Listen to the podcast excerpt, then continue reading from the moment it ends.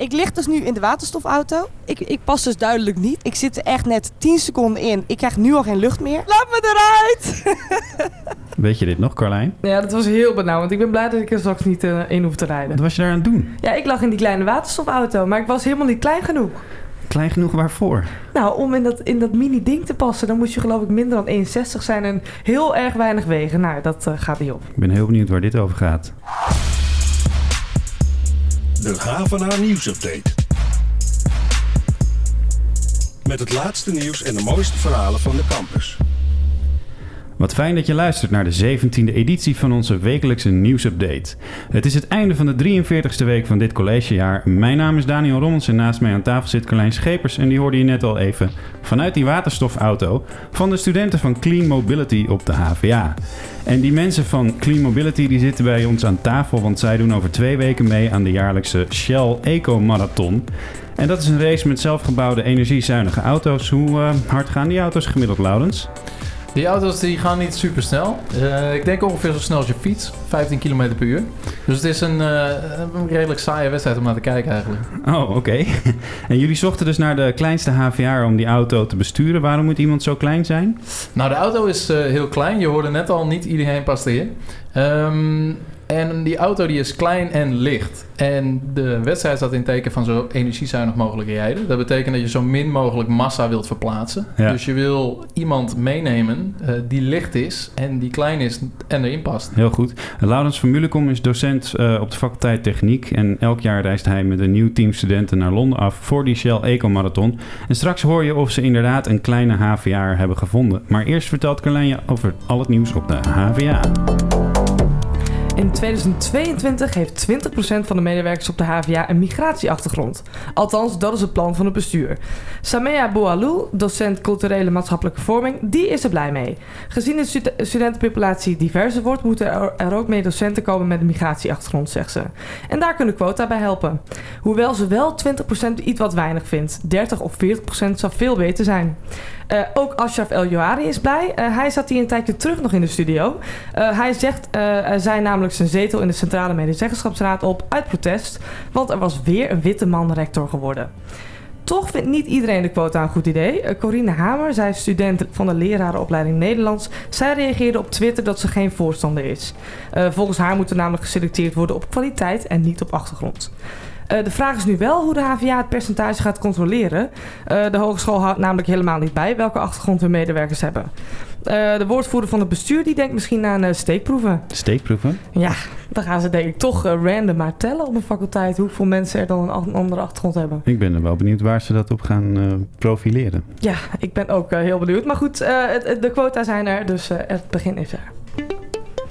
Uh, rugbytalent Bodil van Wijnbergen. Zij is een uh, crowdfundactie gestart om 3000 euro bij elkaar te krijgen. Uh, de 19-jarige student aan de Johan Cruijff Academie die wil namelijk voor de tweede keer naar Australië om mee te doen met de top van de rugbywereld. in Australië en in Nieuw-Zeeland, daar is rugby namelijk even groot als voetbal hier, om het een beetje te vergelijken. En zo kan ze daar spelen op het allerhoogste niveau. Uh, Bodil is voor de tweede keer gevraagd om mee te doen met het rugbyteam van de Universiteit van Queensland. En na haar eerste verblijf van zeven maanden Down Under is nu haar geld op. Vandaar de actie. Uh, in Nederland speelt Bodil bij het uh, Nederlandse rugbyteam, bij het nationale team. En ze hoopt dat ze haar teamgenoten alles wat ze in Australië leert kan overbrengen. en misschien kunnen ze dan in 2020 of in 2024 wel meedoen aan de Olympische Spelen. En dat gaat zij in haar eentje regelen? Nou, dat zei ze ook weer niet. Want dat is natuurlijk wel een beetje de droom. En ze hoopt gewoon dat het team zo goed kan worden dat ze, dat, dat de toekomst is voor hen. Oké, okay, en hoe kunnen we haar steunen? Nou, we kunnen haar steunen. Nou, je kunt in ieder geval haar hele verhaal lezen op hvna.nl en dan staat er onderaan een linkje naar de actiepagina. De helft van de grote hogescholen in Nederland heeft geen vrije pers. Uh, en op de kleine hogescholen zijn bijna helemaal geen onafhankelijke media. Dat zegt het interstedelijk studentenoverleg op basis van een rondgang langs hoger onderwijsinstellingen. Het is tijd voor actie, zegt de studentenorganisatie. Want de vrije pers is de waakhond van de locatie, uh, lokale democratie op scholen. Uh, hoe dat dan zit bij HVA, dat vraag je je misschien af. Nou, wij vallen, net als Folia van de Universiteit van Amsterdam, onder een onafhankelijke stichting. En we zijn dus niet onderdeel van de afdeling communicatie van de HVA. Uh, maar we krijgen wel subsidie van de hogeschool. Dus dat is ook soms best wel ingewikkeld. Mm -hmm. uh, onze hoofdredacteur Altan Erdogan die zei in een interview met Folia hierover dat we in principe onafhankelijk zijn. Maar dat we die onafhankelijk in de praktijk wel steeds moeten blijven verdedigen tegenover de HVA. Remake the City. Eh, ik kondigde het vorige week al aan, het Remake the City Festival, waarin wordt nagedacht over allerlei stedelijke vraagstukken in Amsterdam. De basisplek van het festival is Pakhuis de Zwijger. Daar wordt druk gebrainstormd, maar tegelijkertijd gingen studenten van onder andere de HVA de straat op. Zij gingen aan andere studenten vragen hoe zij tegen de stad aankijken. Ja, en ze hadden ook meteen een live verbinding met eh, Pakhuis de Zwijger om eh, die resultaten aan hen door te geven. Waar sta je? Begin, waar sta je op dit moment? Wij staan nu op de Amstel campus. Ik ben hier met Hidde, ik ben hier met Ilona en ik ben hier met Isabel. En wij zitten hier interviews te houden met studenten over We Make the City. Lopen ze snel voor je weg als jullie eraan komen of wil men echt het, de dialoog aangaan? Nee, ze zijn heel erg lief en toegankelijk. Ja, wa- wat voor vragen stel je en aan wie stel je ze? Eh, we stellen ze aan studenten. En ehm, ja, het zijn vragen over groen in de stad, eh, aantal huizen, energie, dat soort dingen. Oké, en ehm, wat, wordt, wat wordt er met de antwoorden van die studenten gedaan, Helena? Ehm, dat wordt meegenomen voor onderzoek van de stad. eh, met nog andere paar partijen. Wie doet dat onderzoek? Eh, intussen wordt het onderzoek dus gehouden door We Make the City. Gelijktijdig wordt de informatie dan weer verspreid door bijvoorbeeld Pakhuis de Zwijger die we net spraken. Ja, en jullie hadden net inderdaad een soort live verbinding met Pakhuis de Zwijger. Eh, daar zitten allemaal mensen die er dan verstand van hebben. Maar jullie vragen aan, gewoon aan de studenten wat, zij er, wat de gewone man ervan vindt, zeg maar. Of vrouw. De student, naar mijn inzien, die weet heel goed wat zij nodig hebben en die kunnen het ook heel goed aangeven. Het is beter om met ze te praten dan over ze te praten.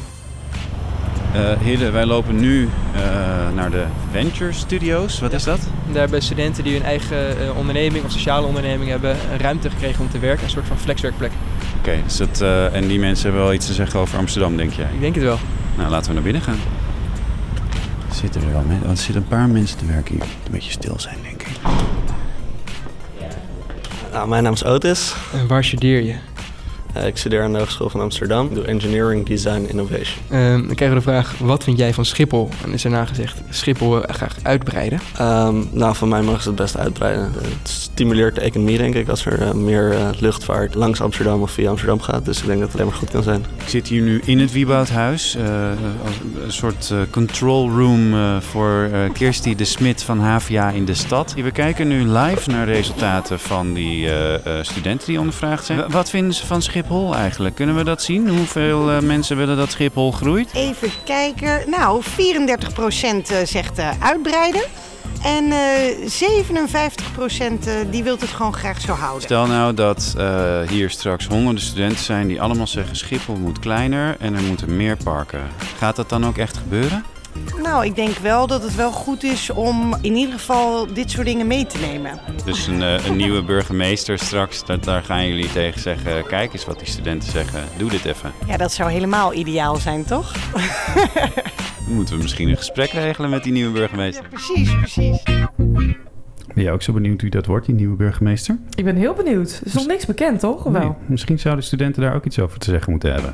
Ben jij HVA-student en lijkt het je leuk om komend collegejaar radio en televisie te maken? Geef je dan op voor de studentenredactie Campus Creators. Wekelijks maak je programma's die worden gepubliceerd door onder andere H van A en de lokale omroep Salto. Daarnaast krijg je een betaalde aanstelling van twee dagen per week als werkstudent. Ga naar campuscreators.nl en meld je aan. Van 5 tot en met 8 juli staan dus HVA-studenten van Clean Mobility aan de start van de Shell Eco Marathon op het Queen Elizabeth Olympic Park in Londen. En bij die race gaat het niet om snelheid, hoorden we net al, maar om de zuinigheid van de auto's. HVA-docent Laurens van Mulekom trok eh, Mandy de Roos, ontwerper van de auto, en Sanne Bouwers, hoofd van het engineering team, uit de werkplaats in de kelder van de Leeuwburg. En eh, zij zitten hier nu om vooruit te blikken op die race. Eh, Mandy, die kleine coureur, hebben jullie die gevonden? Ja, we hebben er zelfs twee gevonden. Wauw, Ja, maar die passen niet met z'n tweeën in die auto. nee, nee. Het is, eh, je hebt er maar één eigenlijk nodig. Maar je wilt altijd voor de reserve een tweede. Ja. En voor de rest hebben we nu nog niet getest. Maar we kunnen straks testen en kunnen we kijken wie de beste bestuurder nou is. En die willen we inzetten in de race. Ja, en dan heb je die andere mee als reserve voor als die eerste zich eh, tegen de muur te pletten rijdt met 15 km per uur. Nou, laten we daar gewoon niet van uitgaan. Oké. Maar eh, je weet nooit wat er, eh, wat er gebeurt. Als diegene ziek wordt of iets dergelijks. Ja, of, ja, eh. dat. Sanne, kun je iets vertellen? Wat, wat is een waterstofauto eigenlijk? Dat is eh, een verkeerde vraag voor mij. Want Oh, ja. ik denk dat Mandy dat beter eh, kan uitleggen. Mandy. Ik ben alleen van de mechanische delen. zeg Ja, maar. ik zit eh, zeg maar ook bij het elektrisch team. Ehm, en een waterstofauto die draait dus eigenlijk op een waterstoftank. En die waterstoftank die voedt weer de auto. Eh, dus daar zit een chemisch proces achter. Die zorgt ervoor dat de, eigenlijk de eh, verbranding, of nou ja, de omzetting van waterstof in energie plaatsvindt. Ja. En daarmee, In plaats van met benzine of gas of... Ja. ja. Dus er zitten ook andere onderdelen in de auto. eh, en deze voedt de accu weer aan, waar de auto op rijdt. Ja, en die Shell Eco Marathon, hoe gaat het in zijn werk, eh, Sanne? Daar ben jij dan wel weer van, want jij zit de hele dag de sleutel aan dat eh, ding. Ehm, eh, wordt er heel veel geraced en is het net als bij Formule 1 dat eh, ze ook wel eens van de baan vliegen en zo? Eh, dat eh, kan gebeuren, ja, inderdaad. Oké. En eh, vooral gewoon voor als er iets stuk gaat, dan ben je er weer oplossingen aan het zoeken en eh, aan het sleutelen. En, eh, zodat alles goed recht eh, in de auto blijft zitten en zo. Ja, ja. Hey, en eh, gaan jullie eh, pas echt op 5 juli daarheen of ben je daar al eerder? 1 juli gaan we al heen. Ja, en dan moet de auto eerst volgens mij door een technische keuring, las ik, hè? Ja. Is dat dan een heel spannend moment? Dat is zeker een heel spannend moment. Vooral omdat de leerkrachten die eh begeleiden, zoals een Loudens, die komen pas op woensdag aan. Dus wij gaan er op zondag heen, komen er maandag aan. En Ja. eh, dinsdag gaan we door de keuring. En dan staan wij dus eh, met z'n allen daar. Althans, eigenlijk komen er twee verantwoordelijken. En die gaan door al die processen. Zijn meer dan 80 artikelen waar de auto aan moet voldoen. Wauw. Die worden één voor één gecheckt of we daaraan voldoen. Ja, en, en wat gebeurt er als je daar niet aan voldoet? Dan heet het terug met de pitbox in met die wagen. En zo snel mogelijk tunen dat we er wel doorheen komen. Ja, want zou het kunnen zijn dat je gewoon helemaal niet aan de start mag verschijnen? Nou, we zijn nu al natuurlijk tig keer bezig met al die checks na te gaan, dus zodat wij daar staan met van hier voldoen we aan. Ja. En jullie doen mee aan de prototype-klasse. Wat is dat precies? De prototype klasse gaat eh, over dus bijvoorbeeld een waterstofauto. Ja. Eh, dus dat is echt een categorie waar je in wordt ingedeeld afhankelijk van wat voor type auto je hebt. Ja. Want doen er dan ook zonne-energieauto's en dat soort voertuigen bij? Eh, bij de prototype klasse zit bijvoorbeeld waterstof. Er zit ook een ehm, brandstof. En er zit een... Er wordt nu gekeken naar. Laurens. Ja, Elektrische Yes. auto's. Ja. Ja, je hebt eh, twee categorieën eigenlijk, twee basiscategorieën. Je hebt de Urban Concept en je hebt Prototype. Urban Concept is eigenlijk een schaalmodel van de auto's die je normaal op straat ziet. Vier wielen, ruitenwissertje, kan ook rijden als het regent. En de Prototype, dat zijn wat meer ja, een soort van lichtfietsen. Eh, drie, wiel, drie wielen. En ehm, die hebben ook hele dunne bandjes zonder profiel. Dus op het moment dat het regent, dan wordt daar niet mee gereden. En binnen Nee. die twee hoofdcategorieën, dus die Urban Concept en die Prototype... Daarbinnen heb je weer verschillende brandstofcategorieën. Dus inderdaad een hydrogen, hè, waterstof. Mhm. Eh, gas to liquid is er één. Je hebt een diesel. ehm, je hebt batterij elektrisch. Eh, ik geloof dat er nog een paar zijn. Eh, maar goed, dat is in ieder geval de indeling. Dus er zijn in totaal ongeveer daar 200 van dat soort autootjes... verdeeld over al die categorieën. Ja. Eh, een stuk of 3000 studenten uit 29 Europese landen. Dus het is één grote happening. En waar, waarop word je nou geclasseerd eigenlijk? Je wordt geclasseerd op ehm, uiteindelijk wie het minst energie verbruikt. Dus om eventjes ehm, alleen te kijken naar onze categorie. We zijn dus prototype eh, waterstof. Wij krijgen een meter mee vanuit de wedstrijdorganisatie. En een flesje eh, waterstof in dit geval. En er wordt tegen ons gezegd... joh, ga 10 rondjes rijden binnen deze tijd. Mhm. En op het moment dat we dat gedaan hebben... dan kijken ze gewoon hoeveel waterstof er uit dat flesje is gekomen... om die 10 rondjes te rijden. Ja. En degene die het minst waterstof verbruikt heeft... om die 10 rondjes te rijden, die heeft gewonnen. Dus het heeft niks te maken met we gaan met z'n tienen tegelijk rijden en wie komt er het eerst over de finish. Nee, totaal niet. Maar is het wel spectaculair om naar te kijken? Het is totaal niet spectaculair om naar te kijken. Nee, het is wel heel erg leuk. Want je moet je voorstellen dat je daar met, eh, wat ik zei, echt eh, 3000 studenten staat. Die allemaal een jaar lang aan zo'n voertuig gebouwd hebben. Hè? Eh, wij hier in Amsterdam in de kelder van de Leeuwenburg. Zij ergens in Marseille eh, op de bovenste verdieping van eh, hun universiteit. Ik noem maar wat. Eh, dus je hebt allemaal mensen met hun verhaal en hun voertuig daar. En dat maakt het vooral heel erg leuk. Ja. Want, want bouwen jullie die, die auto helemaal vanaf de grond, vanaf nul op? Of? Ja, ik ben eh, dit begin van dit jaar begonnen dus met eigenlijk een eh, computertekening. Dus eigenlijk begin je met een, eh, een idee van zo moet het eruit komen te zien. En eh, Maar we hebben wel eh, informatie van de vorige jaren die we altijd Tuurlijk. meenemen in, eh, in het bouwen van een nieuwe auto. Dus jullie ki- kijken elk jaar wat kan er beter? Eh, moeten we nog, nog iets lichter, nog iets gestroomlijnder? Precies, precies. Wat we, het is natuurlijk wat, wat Sanne al aangeeft. We hebben elk jaar, ja, begin je als team helemaal nieuw en weet je eigenlijk niets. Ben je net eerstejaars af, want het zijn tweedejaars studenten bij ons die hier aan werken. Eh, maar goed, dan staat er een voertuig van het jaar daarvoor. Er zijn studenten van het jaar daarvoor die er wat over kunnen vertellen. Dus je, je hebt wel een soort van start, eh, eh, startpunt waaruit je kennis kan gaan opdoen. Ehm, en we kijken ook zeker wel van, joh, welke elementen zijn wel goed, waar moeten we ons verbeteren en wat kunnen we hergebruiken. Want je wil ook niet alles ieder jaar opnieuw, nou ja, je wil niet letterlijk elk jaar opnieuw het wiel uitvinden. Ja. Ehm, hè, dus daar kijken we zeker naar. Maar bijvoorbeeld dit jaar is het zo dat we hebben gezegd van... joh, er waren ook wat, wat wijzigingen in het reglement... eh, waardoor ons body eigenlijk niet meer voldeed. Eh, dus we hebben echt een heel nieuw, nieuw body hebben we moeten ontwikkelen. En ja, dan is het ineens van... joh, dat betekent eigenlijk dat die ophanging niet meer past... en dit past ook niet, dus dit moet anders. En dan blijkt ineens dat er toch een hele hoop opnieuw gemaakt moet worden. Ja, precies. En, en eh, kun je iets zeggen over jullie kansen of zo? Eh, he- heb je nu al het gevoel van, nou, we kunnen het gaan winnen? Of is dat echt pas daar? Ja, kijk, je hoopt en je gaat natuurlijk altijd voor de winst. En hoe dichterbij we komen is... Je merkt natuurlijk altijd ups en downs. En je ziet het ene moment denk je van... Oh ja, we gaan winnen. Het is, we zijn er helemaal klaar voor. En het volgende moment denk je natuurlijk van... Oh, het wordt nu toch wel erg spannend. Maar ja, dat... eh, Dat, dat, dat zullen we dan, da- dan daar wel zien, Ja, inderdaad. gisteren hadden we voor het eerst de auto helemaal in elkaar. Dus ja, een week van tevoren is altijd wel spannend eh, of het dan gaat lukken. Ja, heel spannend. En nog even over die kleine coureur. Eh, heeft hij zich bij jullie gemeld? Hebben jullie die eh, van, uit het gebouw ergens gescout? Of, Nou, we hebben eh, een tijdje geleden eh, liepen we er tegenaan. We hebben afgelopen jaren hebben we eigenlijk altijd die kleine coureur uit het team weten te halen. En dit jaar hadden we geen kleine mensen in het team. Eh, dus wat doe je dan? Dan ga je eens een keer op de gang lopen en dan zie je iemand die klein is. En dan vraag je, joh, hoe zwaar ben je eigenlijk? Ehm, Awkward, of niet? Awkward, ja, ja, ja, soms wel. Maar we hadden nu zoiets van, joh, weet je wat, de HVA is veel groter dan faculteit techniek. Eh, laten we eens verder kijken. En we hebben toen contact gehad met de communicatieafdeling van de HVA. En gezegd van, joh, nou, dit en dit. We zijn op zoek naar iemand. En die hebben eh, toen een online campagne gestart. Er zijn onnoemelijk veel reacties opgekomen. Eh, en dat hebben we uiteindelijk terug weten te brengen tot een stuk of tien mensen. Waarvan we zeiden, nou, qua lengte en, en eh, gewicht zit dat echt goed in evenwicht eh, wat was het ook auto. alweer? 1,60 en onder de 50 kilo of zo?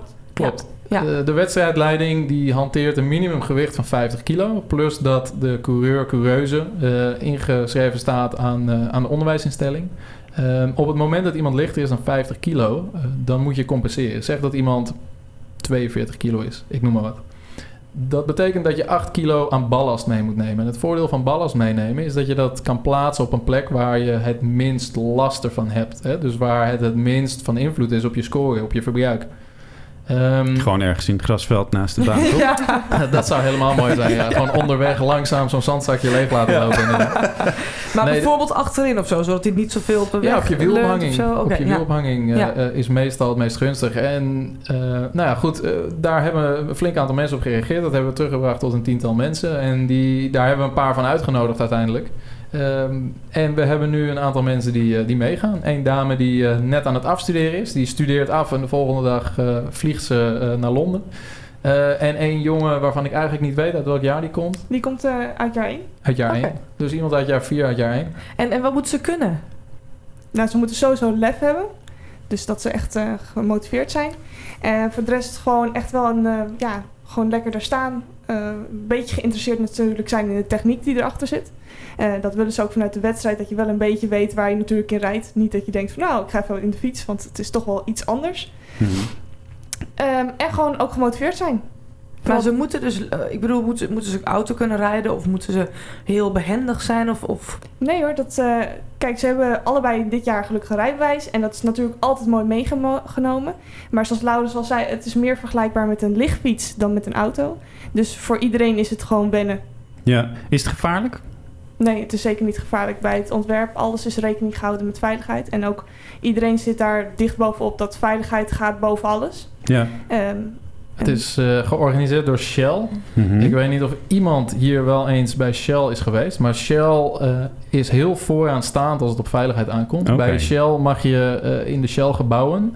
eh, mag je niet de trap aflopen zonder de trapleuning eh, vast te hebben. Echt? Krijg je dan op het moment, Ja, nee, echt. Eh, op het moment dat je eh, aan de telefoon bent terwijl je de trap loopt... eh, dan moet je een collega daarop attenderen dat dat toch echt niet de bedoeling is. Ik ben zelf Oh. één keer eh, bij het hoofdkantoor geweest van Shell in Den Haag. En voordat je daar naar binnen mag, krijg je een veiligheidsvideo te zien... eh, waar je vervolgens zes vragen over krijgt... waar je er vijf van goed moet hebben. Anders mag je niet naar binnen. Wauw. Dus Shell zit ontzettend op veiligheid. Dus alles is helemaal dichtgetikt. Vandaar ook die technische keuring. Er kan in principe weinig gebeuren. De auto's gaan echt niet hard. Eh, en vandaar ook dat je niet per se heel veel ervaring nodig hebt. Het, eh, het gaat niet snel. Nee. Hey, Is de auto helemaal klaar al, jongens? Meisjes, moet ik zeggen. Nee. Nee? Nee, wat moet er nog gaan gebeuren? Eh, we moeten nog eh, nieuwe fusées maken. Want, eh, Wat zijn dat? eh, daar wordt eh, je wiel aan opgehangen. Oké. En eh, die moeten nog even overnieuw gemaakt worden, heel snel. Oké, die dus waren dat- wat groter uitgevallen dan we hadden verwacht. Oh, en dan zou je niet door die technische keuring komen misschien? Eh, nee, want we halen de, eh, de draaicirkel halen we niet. Oh. En dan kom je niet door de technische keuring heen. Ja, en de draaicirkel is dan dat je hoe, hoe scherp je in kan sturen, bedoel Ja. je? Oh, Ja, ja, ja oké. En hoe schatten jullie je kansen dit jaar? Gaan jullie winnen? Nou ja, als Is daar we iets over te zeggen? Als we over de finish komen, zijn we al heel blij. Oké. Dat sowieso. Ja. Want informa- informatie, jullie hebben al wel een paar keer gewonnen op de HVA. Ja, zeker. We, we doen mee sinds eh, 2011. En in 2013 en 2014 zijn we Europees kampioen geworden. Dus zijn we, nou ja, waren we de meest zuinige waterstofauto. Dat waren de, de, de vette jaren. De magere jaren die duren nu al eh, iets te lang.